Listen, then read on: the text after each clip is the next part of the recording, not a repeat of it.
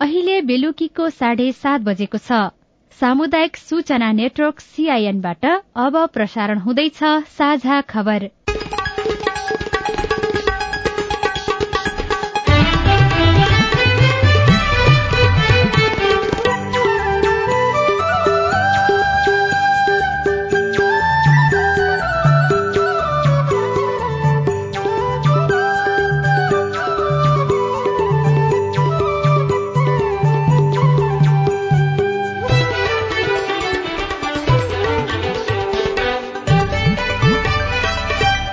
सीआईएनको साझा खबरबाट लील प्रकाश चन्दको नमस्कार। साझा खबर देशभरिका सामुदायिक रेडियो सीआईएन खबर डट कम र मोबाइल एप सीआईएनमा पनि सुन्न सकिन्छ।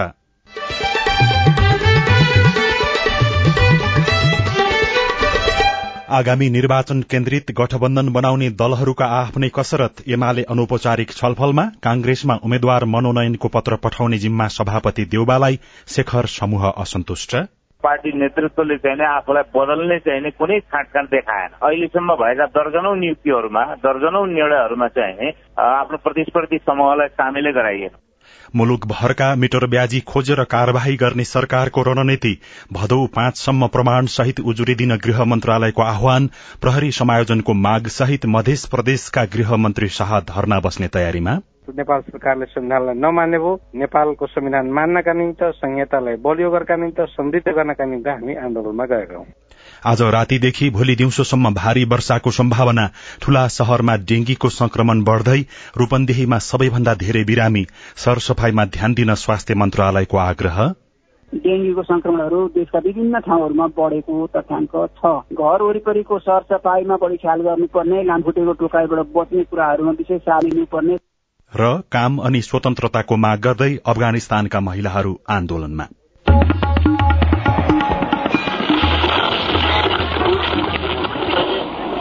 रेडियो। हजारौं रेडियो कर्मी र करोड़ौं नेपालीको माझमा यो हो सामुदायिक सूचना नेटवर्क सीआईएन जब चुनाव आउन थाल्छ दलका नेता कार्यकर्ताहरू शहरदेखि गाउँ घरसम्मै पुग्न कोशिश गर्छन्। अरू बेलामा उनीहरूको ध्यान जनताको दुःख सुन्ने भन्दा पनि पार्टी गुटको रक्षा गर्नेमा केन्द्रित हुन्छ। राजनैतिक दलको संख्या बढ़दै जाँदा हरेक व्यक्तिको भोटको महत्व बुझ्ने भन्दा पनि उपयोग मात्रै गर्ने गलत संस्कार घट्न सकेको छैन। चुनावका बेलामा मात्रै दलहरूले जनता सम्झने परिपाटी बन्द गर्नुपर्छ। अब खबर सत्ता पक्ष र प्रतिपक्ष दुवै तर्फका दलहरू आगामी निर्वाचनको लागि गठबन्धन निर्माण गर्ने कसरतमा रहेका छन्। विचार र सिद्धान्त नमिलेका पार्टीहरू पनि आपसमा मिलेर सकेसम्म धेरै सीट ल्याउने प्रयत्न गरिरहेका बेला नेताहरूले पनि आफ्ना पक्षमा पल्लाभारी हुने घोषणा गर्ने क्रम शुरू भएको छ। नेकपा एमालेका अध्यक्ष केपी शर्मा ओलीले भने आगामी निर्वाचनका लागि सत्तारूढ़ गठबन्धन बनाएको प्रति असन्तुष्टि जनाउनु भएको छ। आज लोकतान्त्रिक शेर्पा संघको कार्यक्रमलाई सम्बोधन गर्दै अध्यक्ष ओलीले निर्वाचन पहिले नै गठबन्धन बनाएको प्रति असन्तुष्टि जनाउनुभयो अध्यक्ष ओलीले एक्ला एक्लै चुनाव लड्ने र चुनावपछि सरकार गठनका लागि भने गठबन्धन बनाउनु पर्ने भए पनि एमालेलाई रोक्न गठबन्धन भइरहेको बताउनुभयो तर एमाले पनि सकेसम्म गठबन्धन गर्ने कोशिश भने गरिरहेको छ। एमालेका प्रमुख सचेतक विशाल भट्टराईले भने आगामी चुनावमा सबै दल मिले पनि एमाले एक्लैले उन्चालिस सीट जित्ने दावी गर्नुभएको छ। सीआईएनसँग कुराकानी गर्दै प्रमुख सचेतक भट्टराईले एक सय पैंसठी निर्वाचन क्षेत्र मध्ये उन्चालिस ठाउँमा सबै दल मिले पनि एमाले एक्लैले जित्ने दावी गर्नुभयो। नेकपा एमाले आसन्न निर्वाचनको तयारीका लागि आन्तरिक रूपमा विभिन्न कामहरू त अघि बढाएकै छ। बाह्य रूपमा पनि अहिलेको हाम्रो निर्वाचन प्रणालीले सितिमिति कसैको पनि बहुमत आउन सक्ने अवस्था नभएको कारणले गर्दा केही अरू दलहरू जो अहिलेको सत्तारूढ गठबन्धनमा छैनन् उनीहरूसँग हाम्रो सामान्य कुराकानी त भइरहेको छ तर घनीभूत रूपमा उहाँहरूको जस्तो सम्झौतै हुने चरणमा पुगेको अवस्था चाहिँ छैन। प्रतिनिधि सभा तथा प्रदेश सभा सदस्य निर्वाचनका लागि निर्वाचनको अघिल्लो दिन अठार वर्ष पूरा भएका मतदाताले मतदान गर्न पाउने भएका छन्। आगामी मंगिर तीन गतेसम्म अठार वर्ष उमेर पुगेका मतदातालाई मतदान गर्न पाउने व्यवस्था गरिएको आयोगका प्रवक्ता शालिग्राम शर्मा पौडेलले जानकारी दिनुभयो। त्यसका लागि मतदाता सूचीमा नाम भने दर्ता भएको हुनुपर्छ। आयोगले गत वैशाख तीस गते सम्पन्न भएको स्थानीय तह निर्वाचनमा पनि निर्वाचनको अघिल्लो दिन अठार वर्ष उमेर पुगेर मतदाता सूचीमा नाम भएका मतदातालाई मतदानमा सहभागी हुन पाउने व्यवस्था गरेको थियो। त्यसअघिका निर्वाचनमा निर्वाचनको मिति घोषणा भएको दिनसम्म अठार वर्ष पूरा भएका नागरिकलाई मात्रै मतदानको व्यवस्था गरिँदै आएको थियो। आसन्न निर्वाचनमा एक लाख नयाँ मतदाताले मतदान गर्न पाउने आयोगले अनुमान गरेको छ। यसैबीच निर्वाचनका लागि आजसम्म विभिन्न चालिसवटा राजनैतिक दलले निर्वाचन आयोगमा दल दर्ता गराएका छन्। राष्ट्रिय मान्यता प्राप्त नेकपा एमाले लोकतान्त्रिक समाजवादी पार्टी लोसपा नेकपा एकीकृत समाजवादी लगायत दलले आसन्न निर्वाचनमा भाग लिने प्रयोजनका लागि दल दर्ता गराएको आयोगले जनाएको छ। आयोगले प्रतिनिधि सभा र प्रदेश सभा सदस्यको पहिलो हुने निर्वाचित हुने प्रणाली र समानुपातिक निर्वाचन प्रणालीतर्फको निर्वाचनमा भाग लिनका लागि यही साउन बाइस गतेदेखि एकतीस गतेसम्म दल दर्ताका लागि आह्वान गरेको थियो।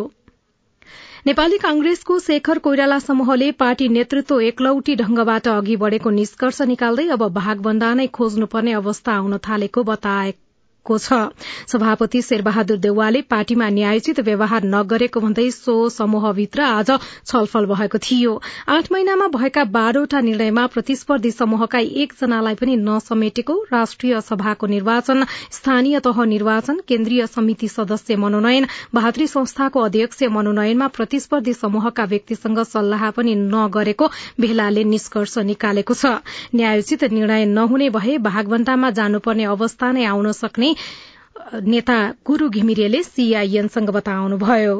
पार्टी नेतृत्वले चाहिँ आफूलाई बदल्ने चाहिँ कुनै छाँटकाँट देखाएन। अहिलेसम्म भएका दर्जनौ नियुक्तिहरूमा दर्जनौ निर्णयहरूमा चाहिँ आफ्नो प्रतिस्पर्धी समूहलाई सामेलै गराइएन। प्रतिस्पर्धी समूहको अस्तित्वलाई चाहिँ स्वीकारै गरिएन। एक प्रकारले स्व अस्तित्वको जुन प्रजातन्त्रको मूलभूत मान्यता हो त्यसलाई चाहिँ आत्मसात गर्ने प्रयत्न नै भएन। सबै विषयमा पार्टी नेतृत्वलाई चाहिँ दबाब दिन झकझक्याउनका निम्ति चाहिँ बैठक हामीले गरे हो अब यसमा चाहिँ अब न्यायोचित व्यवहार भएन चालिस प्रतिशत माग्नु पर्यो लडाई लड्नु पर्यो भन्ने पनि निष्कर्ष हो बैठक होइन अब माग्नु पर्यो। भलात्मिकपन जुन छ हाम्रो चाहिँ यो शालीनतालाई चाहिँ नै कमजोरी ठान्नुभयो पार्टी सभापतिजीले। त्यसो भएको हुनाले अब हामीले महाधिवेशनमा प्राप्त गरेको चालिस प्रतिशत प्लस सिट चाहिँ हामीलाई चाहियो। संसदीय निर्वाचनमा पनि चाहियो पार्टीभित्रका आन्तरिक निर्णयहरूमा पनि चाहियो। पार्टीको केन्द्रीय समितिमा पनि चाहियो ती भातृ संस्थाहरूमा पनि चाहियो।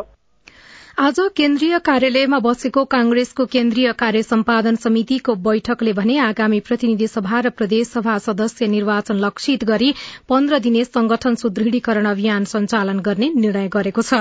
जनलहर सृजना गर्ने गरी भदौ दश गतेदेखि चौविस गतेसम्म देशव्यापी अभियान सञ्चालन गर्ने निर्णय गरेको सहमहामन्त्री जीवन परियारले जानकारी दिनुभयो। यस्तै प्रदेश र प्रतिनिधि सभाको चुनावका लागि उम्मेद्वार सिफारिश गर्न आफ्ना मातहतका कमिटिलाई परिपत्र गर्ने निर्णय पनि बैठकले गरेको छ। कांग्रेसको विधान अनुसार पार्टीले कम्तीमा तीन जनाको नाम सिफारिश गर्नुपर्नेछ जसमा एकजना महिला अनिवार्य हुनुपर्छ। चुनावमा वितरण गर्ने प्रत्यक्ष र समानुपातिकको टिकटमा हस्ताक्षर गर्ने अधिकार पार्टी सभापतिलाई दिने निर्णय पनि आजको बैठकले गरेको छ। माओवादी केन्द्रका अध्यक्ष पुष्पकमल दाहाल प्रचण्डले भने पार्टीभित्रका नेताहरूलाई एकताबद्ध बनाउन चुनौती रहेको बताउनु भएको छ। पार्टीभित्रका नेताहरूलाई एकताबद्ध बनाएर अगाडि बढ़न नै प्रमुख चुनौती देखिएको उहाँको भनाइरहेको छ। आज पोष्ट बहादुर बोगटी स्मृति प्रतिष्ठानको सातौं वार्षिक साधारण सभा कार्यक्रममा प्रचण्डले एक तहका नेताहरूमा पार्टीको विचार नीति व्यवहार र नेतृत्वप्रति विश्वास दहरमराएको आफूले देखेको बताउनुभयो। चुनाव नजिकिँदै गर्दा गठबन्धनबाट प्रतिस्पर्धा हुने भएपछि माओवादीका शीर्ष नेताहरू सबैले प्रत्यक्ष उठ्ने रहर गरेका छन्। प्रचण्डलाई कसलाई कुन क्षेत्रबाट उम्मेद्वार बनाउने भन्ने बारेमा पनि सकस देखिएको छ। सरकारले मिटर ब्याजी पीड़ितहरूसँग उजुरी दर्ताको लागि आह्वान गरेको छ। गृह मन्त्रालयले आज एउटा सूचना जारी गर्दै आगामी भदौ पाँच गतेसम्म आफ्नो जिल्ला प्रशासन कार्यालय मार्फत उजुरी दिन आग्रह गरेको हो। सरकारले मिटर ब्याजी अपराध नियन्त्रणका लागि कार्यदल गठन गरेसँगै पीड़ितहरूबाट उजुरी आह्वान गरेको हो। उजुरी दिँदा सकेसम्म धेरै तथ्य र प्रमाण दिन पनि मन्त्रालयले आग्रह गरेको प्रवक्ता फणिन्द्र मणि पोखरेलले सीआईएनसँग बताउनुभयो। अब मिटर ब्याजीको बारेमा कोही मार्कामा पर्नु भएको छ भने उहाँहरूले सम्बन्धित जिल्ला प्रशासन कार्यालयमा निवेदन दिनुभयो कतिजना पीडित हुनुहुन्छ भनेर त हामीले थाहा पाउनु पर्यो नि त। उहाँहरूसँग भएका प्रमाणहरू अब के छ बोलेका कुराहरू केही छन् भने त्यो सहित लगेर त्यो उजुरीमा राख्नु पर्यो त्यसपछि त्यसबारेमा त्यो समितिले छानबिन गर्छ। पाँच गतेभित्र भनेको छ। समितिको काम भनेको एउटा सम्बन्धित पक्षहरूसँग बुझ्ने काम पनि हुन्छ होइन? बुझ्ने काम भइ पनि रहेछ। माइतीघर मण्डलामा बस्नु भएको छ। उहाँहरूसँग हिजो छलफल भएको छ एक चरणमा। समितिले भोलि पीड़ितहरूसँग थप छलफल गर्ने तयारी गरेको छ। काठमाण्डु उपत्यका सहितका ठूला शहरहरूमा डेंगीका बिरामी बढ़न थालेका छन्। मौसम अनियमित हुँदा डेंगीका बिरामी बढ़ेको र यो बढ़दो क्रममा रहेको स्वास्थ्य तथा जनसंख्या मन्त्रालयका प्रवक्ता डाक्टर समीर कुमार अधिकारीले सीआईएनसँग बताउनुभयो डेंगीबाट जोगिनका लागि घर वरिपरिको वातावरण सफा राख्न र लामखुट्टेको टोकाईबाट जोगिन पनि प्रवक्ता अधिकारीले आग्रह गर्नुभएको छ।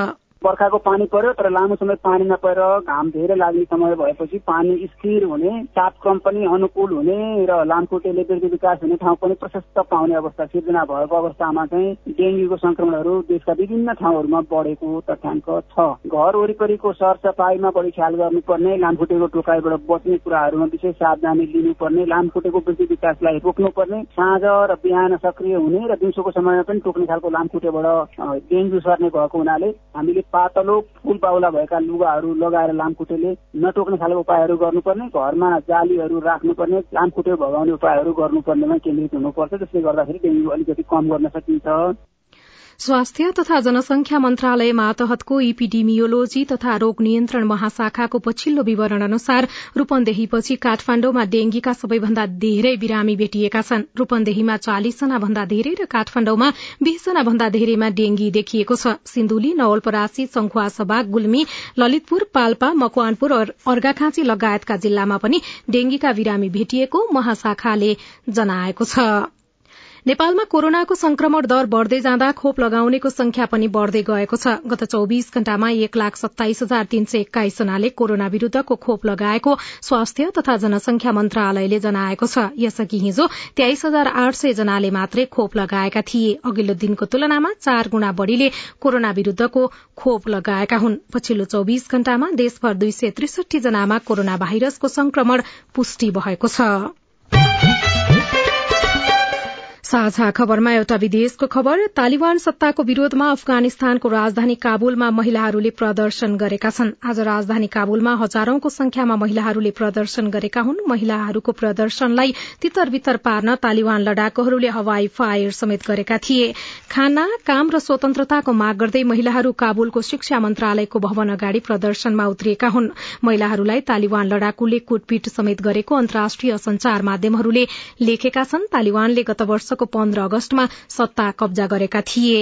र एउटा खेल खबरमा नेपाली राष्ट्रिय football team midfielder Manish Dangi बहराइनको club Ittihad Al Riffa क्लबमा अनुबन्धित हुनुभएको छ। बहराइनको दोस्रो डिभिजन क्लबले मनिषलाई दुई हजार बाइस तेइसको सिजनका लागि अनुबन्ध गरेको हो। इतिहादले सामाजिक सञ्जाल इन्स्टाग्रामबाट उहाँलाई अनुबन्धन गरिएको जनाएको छ। मनिषले पछिल्लो A division club Machhindra football क्लबबाट खेल्नु भएको थियो।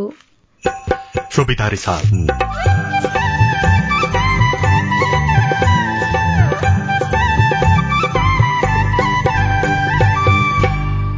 केन्द्र सञ्चालनमा आउँदाको फाइदा? विसर्जनमा लगेर मूल्य पनि वृद्धि बढी मूल्य पाइने भयो। आफूले लगाएको लगानीको केही अंश उसले चाहिँ प्राप्त गर्न सक्ने भयो। एउटा कृषकहरूलाई त्यस्तो हौसला मिल्ने भयो। किसान र तरकारी व्यवसायीलाई सजिलो रिपोर्ट नेपालमा गाई जात्राको परम्परा र कलाकारहरूको व्यङ्ग्यको प्रभाव। शनिबारीय विशेष लगायतका सामग्री बाँकी नै छन्। सीआईएनको साझा खबर सुन्दै गर्नुहोला। मम्मी खाजा। मम्मी मेरो होमवर्क गर्ने कापी। बुहारी एकदम खुट्टा दुख्यो। बुहारी चिया खान मन लागेको थियो। बुढी कपडा मैलो भएछ। अरे मेरो परिवार। भर्खरै सुनेको संवाद तपाईँलाई कस्तो लाग्यो? यही संवादलाई फेरि एकपटक यसरी सुनौ न है। मम्मी खाजा आज म बनाउँछु। मिठो बनाउँछु है। मम्मी मेरो होमवर्क गर्ने कापी मैले खोजिसके। अब म होमवर्क गर्छु। बुहारी एकदम खुट्टा दुख्यो। छोराले तेल तताएर लगाइदिएपछि अलि आराम भयो। बुहारी चिया खान मन लागेको थियो। सबैको लागि बनाएको छु। आऊ सबैजना खान। बुढी कपडा मैलो भएछ। घर नि कस्तो फोहोर। कपडा धोएर भ्याए। अब घर सफा गर्छु। कोरोनाको महामारीबाट बस्न पनि त सरसफाई जरुरी छ नि। आहा मेरो परिवार। तपाईँलाई दोस्रो संवाद कस्तो लाग्यो? पक्कै राम्रो लाग्यो। हो तपाईँ हामी बीच जिम्मेवारी बोध भयो भने एक अर्का बीचको निकटतालाई अझ राम्रो बनाउन सकिन्छ। बाढी चोडी जिम्मेवारी परिवारमा समझदारी। महिला बालबालिका तथा ज्येष्ठ नागरिक मन्त्रालय युएन वुमन ल्याक र अकुराबको सहकार्य। सामाजिक रूपान्तरणका लागि यो हो सामुदायिक सूचना नेटवर्क सीआईएन तपाई सामुदायिक सूचना नेटवर्क सीआईएनले तयार पारेको साझा खबर सुन्दै हुनुहुन्छ। आफ्नो छोराको डीएनए जाँच र न्याय माग गर्दै आमरण अनसनमा रहनुभएका निहारिका राजपूतको विषयमा राष्ट्रपति विद्यादेवी भण्डारीले चासो देखाउनु भएको छ। उहाँले आज कानून मन्त्री गोविन्द कोइराला बन्दी र महान्यायाधिवक्ता खम्ब बहादुर खातीलाई बोलाएर यस विषयमा ध्यानकर्षण गराउनु भएको हो। निहारिकाले हिजो राष्ट्रपति भवन शीतल निवास अगाडि आत्मदाहको प्रयास गर्नुभएको थियो। नौ दिनदेखि आमरण अनसनमा रहनुभएका उहाँले आफूलाई बलात्कार गर्ने व्यक्तिलाई पक्राउ गर्नुपर्ने र बच्चाको डीएनए जाँच गर्नुपर्ने लगायतका माग राख्दै आउनु भएको छ। रूकुम पूर्वमा प्रहरीको गाड़ी दुर्घटनामा पर्दा एक प्रहरी जवानको मृत्यु भएको छ। जिल्ला प्रहरी कार्यालय रूकुम पूर्वका कार्यालय प्रमुख प्रहरी नायब उपरीक्षक प्रकाश डाँगी लगायतका प्रहरी अधिकारी चढ़ेको गाड़ी बिहान एघार बजे दुर्घटनामा परेको थियो। दुर्घटना हुँदा गाड़ीमा सवार प्रहरी जवान लक्ष्मण पुन मगरको मृत्यु भएको हो। रूकुम पूर्वको पुथा उत्तर गंगा गाउँपालिका एघार तल्लो सेरा भन्ने ठाउँमा लु एक झ छ सय साठी नम्बरको गाड़ी दुर्घटना हुँदा घाइते भएका रोल्पाको सुनिल स्मृति गाउँपालिका दुईका पुनको टाउकोमा चोट लागेको थियो। संघीय सरकारले प्रहरी समायोजनको माग गर्दै प्रदेश सरकारका मन्त्री धरनामा बस्नु भएको छ। यो मध्य प्रदेशको खबर हो। प्रहरी समायोजन गरी प्रदेश सरकारलाई हस्तान्तरण गर्न प्रधानमन्त्रीलाई भेटेरै आग्रह गरेको र यसअघि अल्टिमेटम दिँदै ज्ञापन पत्र पठाउँदा समेत ध्यान नदिएपछि अब प्रदेश प्रमुखको कार्यालयमा धरना दिने तयारी गरिएको मध्य प्रदेशका गृह तथा संचार मन्त्री भरत शाहले सीआईएनसँग बताउनुभयो। अन्तर्राष्ट्रिय चाहिँ अब नजिर हेर्ने भने एन बनिसकेको दुई दुई वर्षभित्र चाहिँ लागू हुन्छ। यो चाहिँ तीन वर्षभन्दा माथि कटिसक्यो। र नेपाल सरकार अहिलेसम्म चाहिँ अलमलाउँदै आज गर्छु भोलि गर्छु भन्ने चाहिँ ठगदै गरेका थियो। अब हामी उहाँको चाल पायौँ नेपाल। त्यसकारण चाहिँ अब नेपाल सरकारले संविधानलाई नमान्ने भयो। नेपालको संविधान मान्नका निम्ति संहितालाई बलियो गर्नका निम्ति समृद्ध गर्नका निम्ति हामी आन्दोलनमा गएका हौं। भोलि बिहान एघारदेखि एक बजेसम्म प्रदेश प्रमुख कार्यालयमा धरना दिने र यो भोलिदेखि केही दिनसम्म निरन्तर रहने पनि उहाँले बताउनु भएको छ। मधेसपछि सुदूरपश्चिम बैतडीको खोटपेमा कोल्ड स्टोर अर्थात चिसान केन्द्र सञ्चालनमा आएपछि किसानहरूलाई सजिलो भएको छ। जिल्लामै पहिलो पटक झण्डै पैंतालिस लाख रूपियाँको लागतमा दश टन क्षमताको चिसान केन्द्र सञ्चालनमा आएको हो। बैतडीको पाटन नगरपालिका आठ खोडपेमा दस टन क्षमताको कोल्ड स्टोर अर्थात चिस्यान केन्द्र सञ्चालनमा आएसँगै कृषि उपज भण्डारणका लागि सहज भएको छ। व्यावसायिक रूपमा तरकारी खेती गरिरहेका किसानले सिजनमा बजार मूल्य नपाउँदा सस्तो मूल्यमा बिक्री गर्नुपर्ने बाध्यता थियो भने कतिपय तरकारी बारीमै कुहिने गर्थ्यो। कोल्ड स्टोर सञ्चालनमा आएसँगै केही सहुलियत हुने बताउनुहुन्छ पाटन नगरपालिका आठका किसान गणेश बहादुर ऐर। कृषकहरूले व्यावसायिक तरकारी खेती गर्ने ठाउँ भएको तर यहाँ खास गरी कोल्ड स्टोरले गर्दाखेरि हामीलाई के हुने भयो भनेपछि यहाँ जब प्रोडक्सन हुन्छ बढी प्रोडक्सन भइसकेको बेला मूल्यभात त घट्ने हुन्छ कि? त्यो बेला त्यसलाई चाहिँ हामीले स्टोरेज गरेर राख्न पायो भनेपछि कृषकले गरेको मेहनतमा अर्को बेसिजनमा लगेर मूल्य पनि वृद्धि बढी मूल्य पाइने भयो। आफूले लगाएको लगानीको केही अंश उसले चाहिँ प्राप्त गर्न सक्ने भयो। एउटा कृषकहरूलाई त्यस्तो हौसला मिल्ने भयो भने बिउ बिजनको लागि पनि संरक्षण हुने बिउ अर्को क्षेत्रबाट चाहिँ हामीले मगाउनु पर्ने अवस्था हुने भएन। यो क्षेत्रमा आलु बन्दा टमाटर र काउली बढी मात्रामा उत्पादन हुन्छ। उत्पादित तरकारीसँगै बिउ समेत भण्डारण गर्न सकिने भएकाले सहज हुने बताउनुहुन्छ अर्का किसान मोहन सिंह विष्ट। धाउनु पर्ने समस्या थियो। त्यो समस्या चाहिँ केही हदमा चाहिँ अब यो कोल्ड स्टोर चाहिँ समाधान गर्नेछ र जुन आगामी दिनहरूमा पनि अब किसानहरूलाई चाहिँ हाम्रो के अरे जुन तरकारी बजार अनुसार चाहिँ कोल्ड स्टोर राख्नको लागि पनि सहजता गर्नेछ बिउहरूलाई पनि सुरक्षित राख्न सकिने। कृषि ज्ञान केन्द्रको पन्ध्र लाख अनुदान र दोगडा भूमिराज चिस्यान केन्द्रको बाँकी लगानी छ। आलु उत्पादनका लागि पकेट क्षेत्रका रूपमा रहेकाले किसानहरूलाई भण्डारण गर्न सहज हुने कृषि ज्ञान केन्द्रका प्रमुख गोपाल दत्त भट्ट बताउनुहुन्छ। जति पनि हाम्रा किसान समूहहरूले उत्पादन गरेका आलु छन् ती आलु बिउलाई यो कोल्ड स्टोरमा राखेर भोलि हामीले बाहिरबाट मगाउनु पर्ने अवस्था रहेन। अब यहीँबाट हामीले यहाँका किसान समूहलाई यही कोल्ड स्टोरबाट चाहिँ हामीले वितरण गर्ने लक्ष्यका साथ किसानहरू लाभान्वित हुनेछन् भन्ने मैले विश्वास लिएको छु। पाटन नगरपालिकाका वडा नम्बर आठ नौ र दस तरकारी उत्पादनका पकेट क्षेत्र आलु काउली बन्दा टमाटर लगायतका तरकारी बढ़ी मात्रामा उत्पादन हुने गर्छ। बजारको समस्या खेपिरहेका किसानलाई चिस्यान केन्द्रले सहज बनाएको छ। Dambar Babu Bohara CIN radio seven star Khotpe Baitadi. साझा खबरमा अब हेलो सीआईएन सजना तिमल सिन्हाबाट। नमस्कार मेरो नाम रिजाल मरुकुम पश्चिमको हाटबिस्कोट नगरपालिकादेखि। अहिले गृह मन्त्रालयले नागरिकतामा भएको आपत्तिजनक नाम सच्याउने भन्ने व्यवस्था सुविधा ल्याएको रहेछ। यसमा बाबुको नाममा नाम आपत्तिजनक छ र त्यसलाई सच्याइयो भने अनि त्यसबाट छोराछोरीहरूले नागरिकता लगिसकेको छ र अन्य शैक्षिक योग्यताको प्रमाणपत्रहरूमा पनि बाबुको पहिलेकै नाम छ भने छोराछोरीको नागरिकता र प्रमाणपत्रहरूको नाम सच्याउन मिल्छ या त्यसमा के व्यवस्था छ? तपाईँको समस्या कसरी समाधान गर्न सकिन्छ भनेर हामीले गृह मन्त्रालयका उपसचिव वसन्त भट्टराईलाई सोधेका छौं। त्यति उहाँले बुवाको नागरिकता नै सताउन चाहनुहुन्छ भने जिल्ला प्रशासनमा। नागरिकताको नाम सताउनलाई आपत्तिजनक नाम सताउनलाई निवेदन दिन सक्नुहुन्छ। अन्य कुनै प्रमाणपत्रहरूमा त्यसरी सताउनु पर्ने अवस्था आयो भने सबै ठाउँमा झन्झट हुन्छ। त्यस्तो अवस्था प्राक जिल्ला प्रशासन कार्यालयहरूले फलानु र फलानु नाम गरेको व्यक्ति एकै हो भन्ने किसिमका सिफारिसहरू पनि दिएको छ। त्यस अनुसार पनि यी कामहरू गर्न सकिन्छ। नमस्कार म तातोपानी पाँच श्रीनगरदेखि तिलसिङ गाङ्गी बोल्दैछु।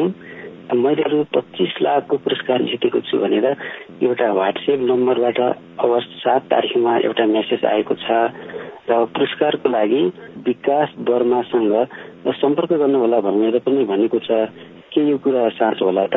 जिज्ञासा मेटाइदिनका लागि हामीले केन्द्रीय प्रहरी प्रवक्ता प्रहरी नायब महानिरीक्षक टेक प्रसाद राईलाई अनुरोध गरेका छौं। बुझ्नै पर्ने कुरा के भने कसैले पनि यो जमानामा पैसा त्यसै दिँदैन। जब तपाईँ लोभमा पर्नुभयो तब फस्नुहुन्छ। त्यस कारणले यस्ता चिजहरूलाई जुन आइरहेको छ त्यसलाई ब्लक गर्नुहोस्। त्यति पनि भएन भने तपाईँले प्रहरीलाई हाम्रो साइबर ब्युरो छ साइबर ब्युरोलाई खबर गर्नुहोस्। हामीले ठाउँबाट यस्ता धेरै केसहरू चाहिँ अनुसन्धान गरेका छौँ कानुनको दायरामा ल्याएका छौँ। तपाईँ जुनसुकै बेला हाम्रो टेलिफोन नम्बर शून्य एक बान्न साठी छ चार छमा फोन गरेर आफ्नो प्रश्न जिज्ञासा गुनासा तथा समस्या रेकर्ड गर्न सक्नुहुनेछ। तपाई सामुदायिक सूचना नेटवर्क सीआईएनले काठमाण्डुमा तयार पारेको साझा खबर सुन्दै हुनुहुन्छ। हास्य व्यङ्ग्यको विषयवस्तु छान्दा कलाकारले ध्यान दिने कुरा? मैले विषयवस्तुलाई नै ध्यान दिनुपर्छ। विषयवस्तु नै मेरो चाहिँ प्रमुख त्यो हास्य र व्यङ्ग्यको चाहिँ अस्त्र हो। एकजना हास्य कलाकारको अनुभव र व्यङ्ग्य सहितको शनिबार विशेष बाँकी नै छ। सीआईएनको साझा खबर सुन्दै गर्नुहोला। नेपाल टेलिकमको सूचनाको संसार होइन के सुनेको यस्तो ध्यान दिएर दोहोरो बोलेको जस्तो नि देख्दिन। तीन दुई एक शून्य शून्य क्या? तीन दुई एक शून्य शून्य। के हो त्यो भने? बुझिन त। ल सुन एनटिसी प्रयोगकर्ताहरूले आफ्नो मोबाइल तथा ल्यान्डलाइनमा तीन दुई एक शून्य शून्य डायल गरी समाचार रेडियो कार्यक्रम खेल र अन्य विषय बारे सन्देशहरू जुनसुकै बेला निशुल्क सुन्न सक्छन्। ओहो निशुल्क? कस्तो सजिलो। समाचार सुन्न छुट्यो भनेर पिर लागेको थियो। अब त म पनि सुनिहाल्छु। कति रे तिन दुई एक शून्य शून्य।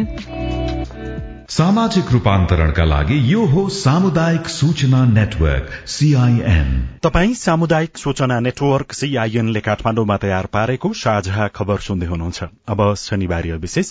हाँस्नु र हँसाउनु मुस्किल कामहरू मध्येको एक हो। तर केही मानिसहरूले अरूलाई हँसाउने पेशा अर्थात कलाकारिता रोजेका हुन्छन्। प्राय कलाकार पोसाक हाउभाउ र अभिनय गरेर दर्शकलाई हँसाउने प्रयत्न गर्छन्। त्यो भीटमा कलाकार शैलेन्द्र सिमखडाको पहिचान अलि फरक छ। माटो सुँगेर मल हाल्न सकिन्छ मान्छे रोपेको गरामा के उम्रने हो थाहा छैन। सिजन बिजन र भिजन नभएको झुट्टा किसानको हिउँदे बाली। पाक्नु र पस्कनुको अर्थ राख्दैन। व्यवस्था बदल्ने आन्दोलन होस् अथवा समाजका विकृति विरूद्धको अभियान। हरेक परिवर्तनका खातिर हास्य व्यङ्ग्य चोटिलो अस्त्र बन्यो। राणा शासनको विरोधमा लुकी छिपी कविता लेख्नेहरू पञ्चायतकालीन समयसम्म आइपुग्दा तात्कालीन व्यवस्थाको विरोधमा खुलेर बोल्न सक्थे। शैलेन्द्र सिमखडा पहिलो पटक कलाकार बनेर मञ्चमा उभिएको गाई जात्रा थियो दुई हजार अडतिस सालको। अडतिस सालको गाई जात्राको दर्शकमा अगाडि वीरेन्द्र ऐश्वर्य राजपरिवार दोस्रो लाइनमा पूर्व प्रधानमन्त्रीहरू भन्दाखेरि बिपी बिपी कोइराला दोस्रो लाइनमा हुनुहुन्थ्यो।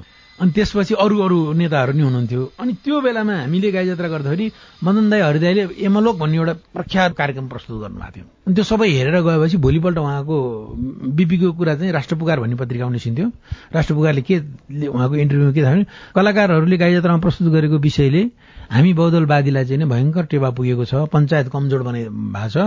यसले पनि हामीलाई ठुलो सहयोग गरेको छ। सबैले हेर्नु होला भनेर चाहिँ बिपीले भनिदिनु भएको छ क्या त्यो बेलाको एउटा लाइन सुनाउँछु। पाँचजनाको बीचमा पञ्चायती नाम राखे मुठीभर व्यक्तिले शासन चलाए शोषक राणाले त दरबार बनाए उदारवादी पञ्चले त्यो पनि चलाए गाई जात्राका नाममा गरिने प्रहसन दुई हजार तेत्तीस साल अघि दरबार आसपासका डबलीहरूमा सीमित थियो जसलाई व्यावसायिक बनाउन महत्वपूर्ण भूमिका रह्यो संस्कृतिविद सत्यमोहन जोशीको जब गाई जात्राका कार्यक्रम मञ्चमा देखिन थाले तब शैलेन्द्र सिमखडा जस्ता कलाकारहरूले फुल्न र फल्न पाए। म हाँस्य विषय खेलाउने हाँस्य को चाहिँ सर्जक हुँ। अब त्यसमा चाहिँ म हास्य कलाकारै भन्न चाहिँ प्रस्तुत हुँदाखेरि चाहिँ मेरो अनुहार मेरो गेटअप मैले आफूले आफूलाई ऐना हेर्दाखेरि त्यस्तो देखिँदैन। मेरो विषयवस्तु नै हो। त्यस कारणले गर्दा मैले विषयवस्तुलाई नै ध्यान दिनुपर्छ। विषयवस्तु नै मेरो चाहिँ प्रमुख त्यो हाँस्य र व्यङ्ग्यको चाहिँ नि अस्त्र हो। तपाईँ हँसाउने मान्छे भनेर चिनिनुहुन्छ अथवा त्यसरी चिनाइन्छ यो हँसाउने कुरा सजिलो कि जिन्दगीमा हाँस्ने कुरा चाहिँ सजिलो? दुइटै गाह्रो छ। आफू हाँस्नलाई वातावरण त्यस्तो हुनु पर्यो होइन खुसी हुनु पर्यो हँसाउनलाई पनि त अर्काको मनको कुरा बुझेर हँसाउनु पर्ने हुन्छ। शैलेन्द्रले श्रोता दर्शकको मनको कुरा बुझ्न र चोटिला कविता लेख्न थालेको बयालिस वर्ष बित्यो। व्यङ्ग्य कवितामा समाजलाई उतार्न सजिलो छैन तर श्रोता दर्शकसँगको साइनोलाई कसिलो बनाउन मद्दत गरेको छ त्यही अप्ठ्यारो कामले। म हँसाउने मान्छे भन्दा पनि चित्त बुझाउने मान्छे। दङ्ग पर्नेदेखि लिएर होइन भित्रभित्र मनमा नै हुन्छ नि दङ्ग पर्नेदेखि लिएर अट्टहाससम्मको हाँसोलाई छ प्रकारमा विभाजन गरेको छ। त्यो मध्येमा श्रोता दर्शकलाई मनपर्ने कुरो भन्यो भने आनन्द लिनुहुन्छ नि। आफूले चाहेको कुरो अरूको मुखबाट मिडियाबाट सुन्न पाउँदा उहाँलाई एक किसिमको आनन्द हुन्छ। त्यो चाहिँ प्रस्तुतकर्ताले विचार गर्नुपर्ने हुन्छ। अरबौं खर्चेर गलगिद्ध सुरेर नेपाली जनताको थाप्लोमा ऋणमाथि ऋण थोपरेर छ सयजना साथी राखेर संविधान ल्याए दाई गरे रजाई गरे देश रित्याए आखिर दुईजनाको भागभण्डार नमिल्दा संविधानै सिद्ध्याए। पारी तरणाय पत्रुणाम दुष्टकृतम आइएनजी व्यङ्ग्यलाई बढ़ी जसो नाटक र निबन्धबाट प्रस्तुत गरिन्छ तर फरक धार समाएका शैलेन्द्रको शैली पनि फरक छ। कलाकारिताभित्र व्यङ्ग्य जति अप्ठ्यारो छ त्यो भन्दा अप्ठ्यारो छ व्यङ्ग्यको विषय खोज्नु। सही कुरो बुझ्नुलाई रत्नबार्गमा गएर बदम खानुपर्छ। बसेर नचिन्नी भएर। हो कि भन्नु त गाउँमा भारी बोक्ने दाई सँगसँगै हिँड्नुपर्छ। ओड्ने दाईसँग बस्नुपर्छ साग बेच्ने दिदीसँग बस्नुपर्छ हाँडीमा बदाम भुट्ने दिदीसँग बस्नुपर्छ सबै कुरो बुझ्नलाई यथार्थ बुझ्नलाई त्यो ठाउँमा जानुपर्छ। अहिले मलाई चाहिँ यो युट्युब र भिडियोले गर्दाखेरि बढी चिन्न थाल्यो। चिनेपछि मलाई अप्ठ्यारो भयो। नत्र भए म चाहिँ नि प्रत्यक्ष त्यो चाहिँ नि खोले भाटामा चाहिँ म आफै पुग्ने गर्थेँ। व्यवस्था अवस्था र गलत प्रवृत्ति विरूद्ध सिधै बोल्न नपाइने दिनहरूमा शुरू भएको हो गाई जात्रा त्यसैले मानिसहरू हास्य व्यङ्ग्यका लागि गाई जात्राकै दिन पर्खन्थे। त्यही भएर पनि व्यङ्ग्यका लागि गहिरो अध्ययन हुन्थ्यो। तर अहिले प्रविधिले हास्य व्यङ्ग्य मात्रै होइन विषयलाई पनि हलुका बनाइदिएको छ। संसार माध्यमले गर्दा हामी एकैचोटि माथि पुगेछौँ कि? खुड्किला अन्तर्गत गएको भए अलिकति सुधार हुँदै जान्थ्यो होला। सामा अक्षर सिक्ने बित्तिकै त्यसबाट क्रमशः पढ्दै नगएर एकैचोटि माथिल्लो तहमा पुग्यौं। त्यसले गर्दाखेरि नेतृत्व वर्गले यसलाई चाहिँ नि सहज रूपले चाहिँ लिन सकेन। आगो हाम्रो एउटा संस्कारमा जीवनको अन्तिम अङ्कमाल गर्ने साथी झट्ट हेर्दा निष्पक्ष तर असाध्यै पक्षपाती। खरबारी घरबारी गोठ बगैँचातिर किन सजिलै गएको ठुल्ठुलो महलतिर किन नगएको बल्ल बल्ल सिंहदरबार छिर्न पाएको त्यो पनि आधी मात्रै किन खाएको आगो के भएको मलाई शङ्का छ आगोले घुस्काएको। मल्लकालीन समयबाट शुरू भएको गाई जात्राको स्वरूप फेरियो तर नेवार समुदायले अहिले पनि गाई जात्राको पुरानो परम्परालाई जोगाइराखेको छ। पछिल्लो पुस्ताले गाई जात्रा भनेको हास्य व्यङ्ग्यलाई मात्रै बुझ्छ। तर नेवार समुदायले जोगाएको गाई जात्रा र हास्य व्यङ्ग्यको रूपमा पहिचान बदल्दै गएको गाई जात्रालाई एकै बाटोमा हिँडाउनु पर्ने शैलेन्द्र बताउनुहुन्छ। अनि व्यङ्ग्य गर्नेहरूले समाजको चित्त नदुखोस् भनेर सजग हुनुपर्ने पनि उहाँको सुझाव छ। समाजमा जाँदाखेरि कुन वर्गलाई पुग्छ कि कुन लिङ्गलाई पुग्छ कि कुनै धर्मलाई पुग्छ कि होइन त्यो विषयमा चाहिँ जाला भन्ने हामीलाई बहुत सजग हुनुपर्छ। त्यसैले हामी स्वयं आफैले नै सेन्सर गर्नुपर्ने अवस्था हुन्छ आफ्नो कृतिलाई। शैलेन्द्र भन्नुहुन्छ परम्परा छुट्दै जाँदा र गुणस्तरीय प्रस्तुति नहुँदा गाई जात्राको महत्व घट्दै गएको छ। तर गाई जात्रा पर्व मात्रै होइन समाजलाई समाजकै अनुहार देखाउने ऐना पनि हो। जुन कुरा नयाँ पुस्ताका कलाकारले बुझ्न आवश्यक छ। राजन रुचाल सीआईएन काठमाडौँ। आगामी निर्वाचन केन्द्रित गठबन्धन बनाउने दलहरूका आफ्नै कसरत छन्। एमाले अनौपचारिक छलफलमा छ। नेपाली कांग्रेसमा उम्मेद्वार मनोनयनको पत्र पठाउने जिम्मा सभापति शेरबहादुर देउबालाई दिइएको छ। शेखर समूहले भने असन्तुष्टि जनाएको छ। मुलुक भरका मिटर ब्याजी खोजेर कार्यवाही गर्ने सरकारको रणनीति छ। भदौ पाँचसम्म प्रमाणसहित उजुरी दिन गृह मन्त्रालयले आह्वान गरेको छ। प्रहरी समायोजनको मागसहित मध्य प्रदेशका गृहमन्त्री शाह धरनामा बस्ने तयारीमा हुनुहुन्छ। आज रातीदेखि भोलि दिउँसोसम्म भारी वर्षाको सम्भावना रहेको मौसम पूर्वानुमान महाशाखाले जनाएको छ र ठूला शहरमा डेंगीको संक्रमण बढ़दै गएको छ। रूपन्देहीमा हालसम्म सबैभन्दा धेरै बिरामी भेटिएका छन्। हवस् आजलाई साझा खबरको समय सकियो। प्राविधिक साथी सुनिल राज भारतलाई धन्यवाद। भोलि साउन उन्तिस गते बिहान छ बजेको साझा खबरमा फेरि भेटौँला। अहिलेलाई लील प्रकाश चन्द पनि विदा हुन्छु। नमस्कार शुभरात्री।